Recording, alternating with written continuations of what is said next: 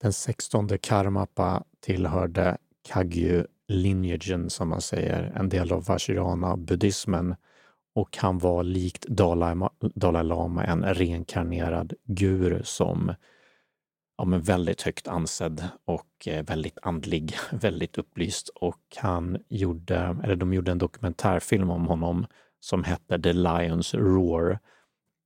Ja, jag ska inte gå in på vad The Lions Roar betyder, men så heter dokumentären. Den finns på Youtube och jag tänker att vi ska titta på ett klipp därifrån. För när jag såg den för många år sedan så slogs jag av eh, det här klippet just som någon hade klippt ut också från eh, just den videon som också måste tyckt att det var intressant och lagt upp det som ett kortare klipp på Youtube.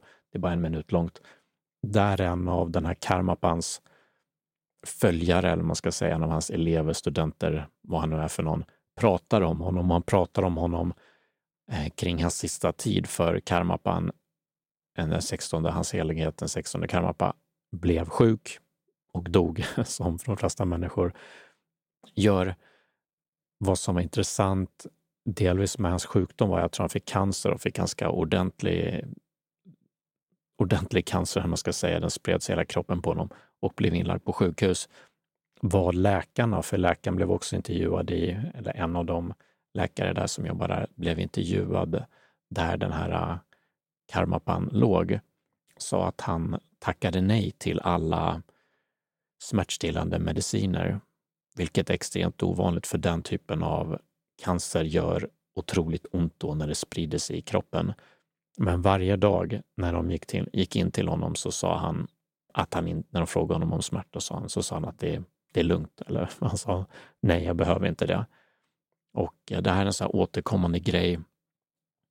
Jag minns att eh, Ramana Maharshi, en, eh, en indisk guru, också ska ha gjort någon typ av operation. Han fick också cancer i någon arm eller vad det var och sa att det behövs inget smärtstillande. Det finns också de här munkarna som eh, i protest eh, tände eld på sig själva, hällde bensin på sig och tände eld på sig själva och eh, satt stilla i meditationsposition under tiden de brann upp. Det är också ett tecken på att de, vem vet vad de kände, men de såg inte ut att reagera på smärtan på samma sätt då den här att de slogs av Karmapan, att han inte... Det såg inte ut som att han, som läkaren sa, att han förnekade att han hade ont, utan det såg ut som att han faktiskt mådde bra, trots att han blev sämre och sämre och sämre, eh, rent kroppsligt och, och mådde sämre och dog sen då. Här är i alla fall en av hans eh, den här Karmapans studenter som pratar om honom om, kring sista tiden när han träffar honom sista gången till och med. Och jag hoppas att ljudet låter okej, okay, men annars kommer jag säga vad han sa eh, efteråt. Okej. Okay. I last saw the Karmapa about a week before his death.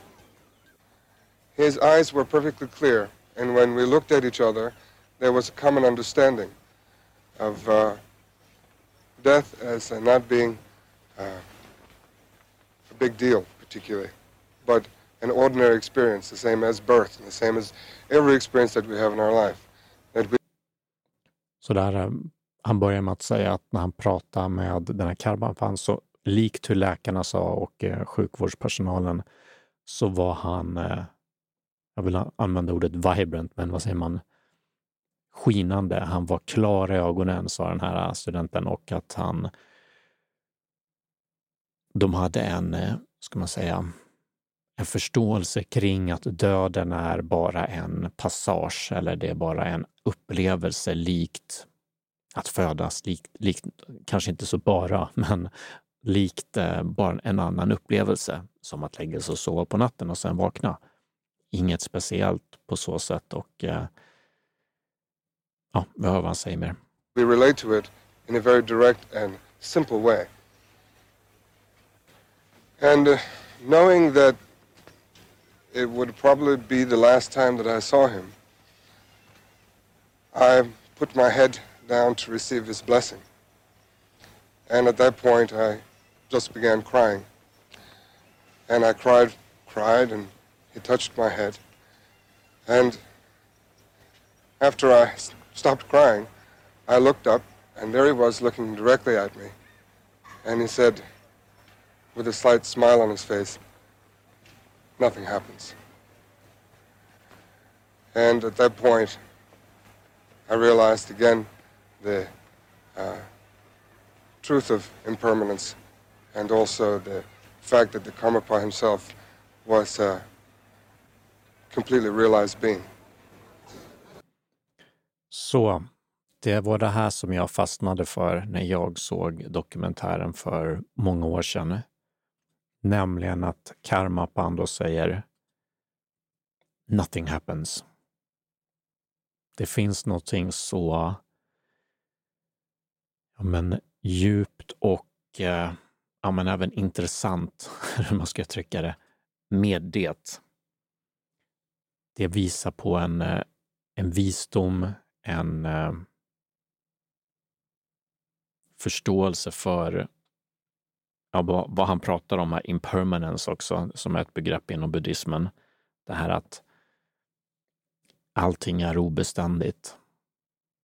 Ingenting är för evigt, allting är i förändring. Det är den enda, vad ska man säga, absoluta sanningen, att allting förändras hela tiden. Så vi går igenom olika stadier, vi går igenom olika tillstånd, liv och död, olika tillstånd. Men det här också, att säga att inget händer. Jag vet inte om jag kommer kunna förklara det på ett eh, bra sätt, men det pekar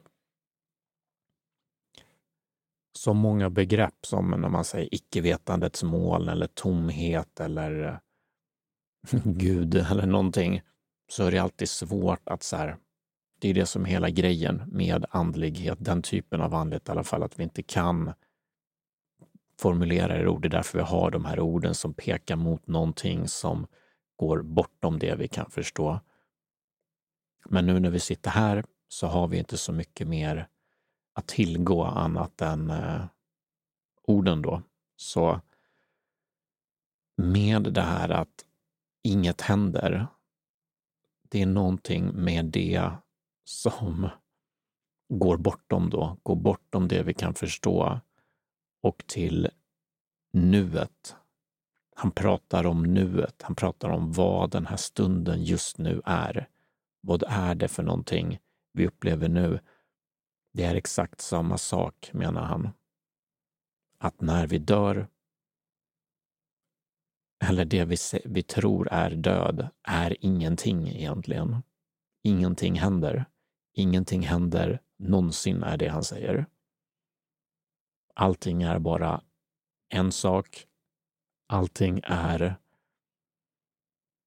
får man säga så, allting är illusion. Allting är Maya. Och när vi ser det så inser vi att det är ingenting. Det är en dröm bara. En dröm som egentligen aldrig händer. För när vi vaknar upp från drömmen så inser vi att det är en dröm bara. Och den finns inte på riktigt, om vi ska tänka på det på det sättet. Jag har också tagit upp den här um, vad som inom buddhismen då, som den här karmapan tillhör, anses vara den högsta läran eller en av de högsta. Det finns olika sutror och det finns diamantsutran och det finns eh, den här då, Prashna Paramita Ridaya, hjärtsutran. Den översätts i den här texten som är från eh, zen-buddhistiska samfundet till eh, den fulländade visdomens hjärta. Den fulländade visdomens hjärta. Och i den så pratar de också om det här. Den är ganska kort, jag ska inte läsa hela, men jag ska ta något stycke här. Att den börjar med att eh,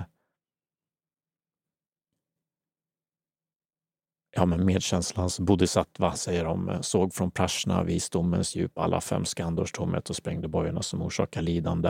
Jag ska inte säga någonting om det, men sen går de in på här att form här är endast tomhet, tomhet endast form, Form är ej annat än tomhet, tomhet ej annat än form. Känsla, tanke, vilja, medvetandet själva också tomhet. Så tomhet är form, form är tomhet. Det här är tomhet, form. Det här är form, men formen som vi ser är den här drömmen som är tomhet eftersom ett sätt att förstå i alla fall, drömmen finns ju inte riktigt. Så formen som vi ser är tom, den är obeständig också som man pratar om, impermanence. Det bara förändras. Det finns ingenting som... Eh, om vi tar ett fysiskt objekt så förbyts det över tid. Om vi tar en fysisk person så förbyts den över tid också. Den föds, lever, dör och sen försvinner. Det finns inte ett spår av den kvar längre. Det är obest den är obeständig. Den är tom på beständighet. Så formen är tom på beständighet. Och omvänt säger de också att tomhet är form. Det är väldigt svårt att förstå det, vad det betyder. I alla fall. Men det måste vara det ur ett icke-dualistiskt perspektiv så som zenbuddismen är och många andra traditioner. Allting är samma sak, som vi sa förut. Sen kommer det här som anspelar på det som karma, Karmapan pratar om, nämligen att eh, då säger i hjärtsutran här är varje dharma tom. Dharma kan man säga, typ lära. Om man vill, jag vet inte om det är det de menar här, men här är varje dharma tom. Allt är ursprunglig tomhet. Och så säger de, ingen föds eller dör. Ej heller är de rena eller besudlade, ej heller växer eller förtvinar de. Så att även det här om vi tänker att en människa växer, föds, växer upp och dör, eller förtvinar och dör, så som Karmapan gjorde, så som du gör, föds, växer och dör. Men här säger de att det inte är så. De säger ingenting. Ingen föds eller dör. Det är ingen som föds eller dör. Precis som Karmapan säger. Han säger inget händer. Men han säger inget händer så är det inte bara, han pratar ju om döden då, att det är ingenting. Men som jag nämnde tidigare så gäller det för allt. Allt är ingenting. Ingenting är allt. Form är tomhet, tomhet är form. Ingen föds eller dör. Här är vi inne såklart på någonting som inte blir logiskt eller det är svårt i alla fall att få en logisk eh, tankeström kring det. Och det är det de säger också i den här sutran. Jag ska inte läsa hela som sagt, men den avslutas med Gatte Gatte Paragatte Parasangatte Bodhisvaha. Och det säger ingenting, men att det betyder bortom Strax innan så säger de detta är högsta visdom sann, bortom allt tvivel, känn och uttala dess sanning. Gatte, gatte, paragatte, parasangatte, bodhisvam. Så den stora sanningen, igen då, den går bortom, den går bortom det vi kan förstå. Gatte, gatte, bortom, bortom, parasangatte, ännu mera, ännu mera bortom. Bodhisvaha, o så underbart ungefär. O så härligt, underbart det är som Karmatman hade insett då. Därför han var kolugn, som man säger, även inför den stundande döden, även inför en sjukdom som åt upp, åt upp honom tog honom bort från världen som inte finns kroppen som inte finns. Samtidigt är det här. Samtidigt är det vår direkta upplevelse. Och samtidigt väljer de här äh, reinkarnerade karmapanna, eller vad heter det? Ja, som Dalai Lama, olika lamor, att återfödas de väljer att återfödas om och om igen för att hjälpa människor som inte finns i en värld som inte existerar, där ingen föds eller dör. Varför gör de det? Varför kommer de tillbaka? Uppenbart är det inget nihilistiskt med det, som man lätt kan tänka sig när man pratar om att det är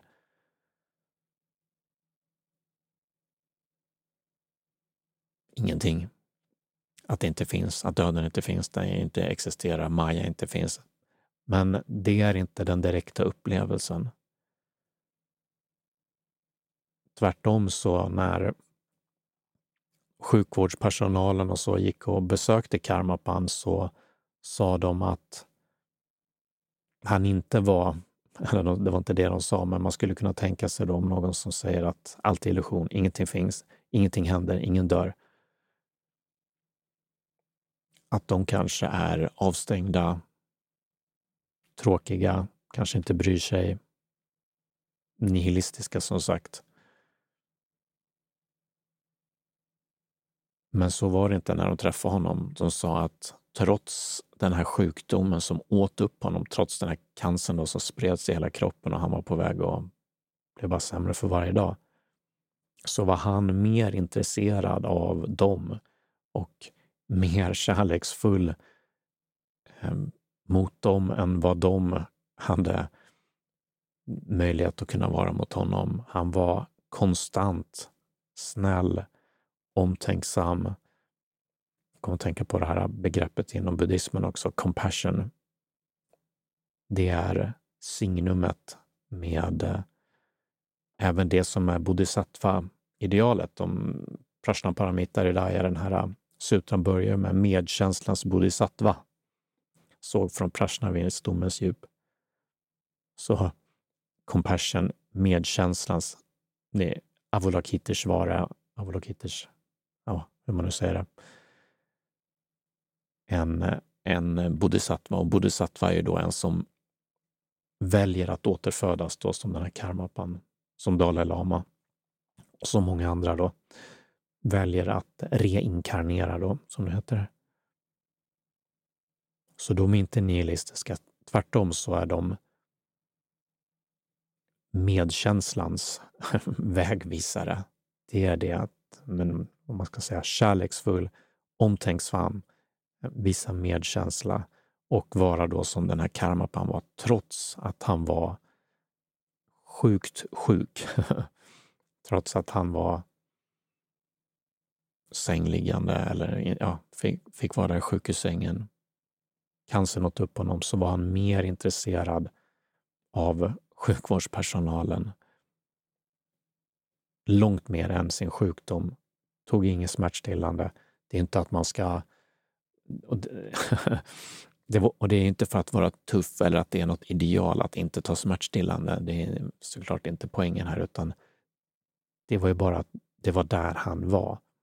Han var i frid. Han hade besegrat eller gått förbi rädslan för döden. Och när man inser då, som honom, sanningen om världen, sanningen om existensen, så leder det inte till nihilism. Verkar inte göra det i alla fall för de flesta, utan tvärtom så blir det mer sant. Världen blir mer verklig, igen hur de, de här paradoxala grejerna, när man inser att den inte finns så blir den mer verklig. Ett sätt att förklara det är helt enkelt att om man lever i i illusionen, eller om man ska uttrycka det, i Maya och dras av de här äh, evolutionspsykologiska mekanismerna av äh, begär och sådant, då är man inte närvarande på samma sätt som när man inte gör det. När vi är mer med oss själva, mer ödmjuka också och ser mänskligt lidande så öppnar det upp oss för andra även fast världen är en illusion då på ett sätt. Det är inte ens sant att den är en illusion, det är bara en, ett sätt att förklara det för att särskilja det från någonting som är rent konkret. Och det som vi ska man säga, normalt sett tror och tänker att det är. Allting är bara läror, allting är bara fingrar som pekar någonstans mot någon, någonting. Men det är aldrig det. Det fångar såklart aldrig stunden, fångar inte just nu, fångar, fångar inte någon stund någonsin. Men det är kartor, det är förklaringar och det är läror då som kan funka i olika situationer på lite grann olika sätt. Hjärtsutran är en sådan. De säger gatte, gatte, bortom, bortom, bortom. Där pekar de i slutändan ännu mer mot det här då, som inte går att beskriva. Men som när vi kommer dit, åtminstone för många buddhister, så blir de väldigt ödmjuka, väldigt kärleksfulla och skriver upp sig då på, signar upp sig på att återvända till eh, Moder Jord, till eh, den här världen om och om igen tills alla har det på samma sätt, tills alla är fria. Och inte bara människor, utan det är alla varelser, som de brukar säga. Jag tycker det är vackert och eh, ber, eh, vad heter det? berörande. Det berör den, den här um, karmapan. Det häftigt att se dem. Det finns flera dokumentärer, jag ska länka till den i beskrivningen och det finns många ja, men dokumentärer om, eh, om en olika sådana mästare genom, eh, genom tiderna. Dilgo Khyentse Rinpoche är en annan sån. Ja, det var det jag hade. Tack!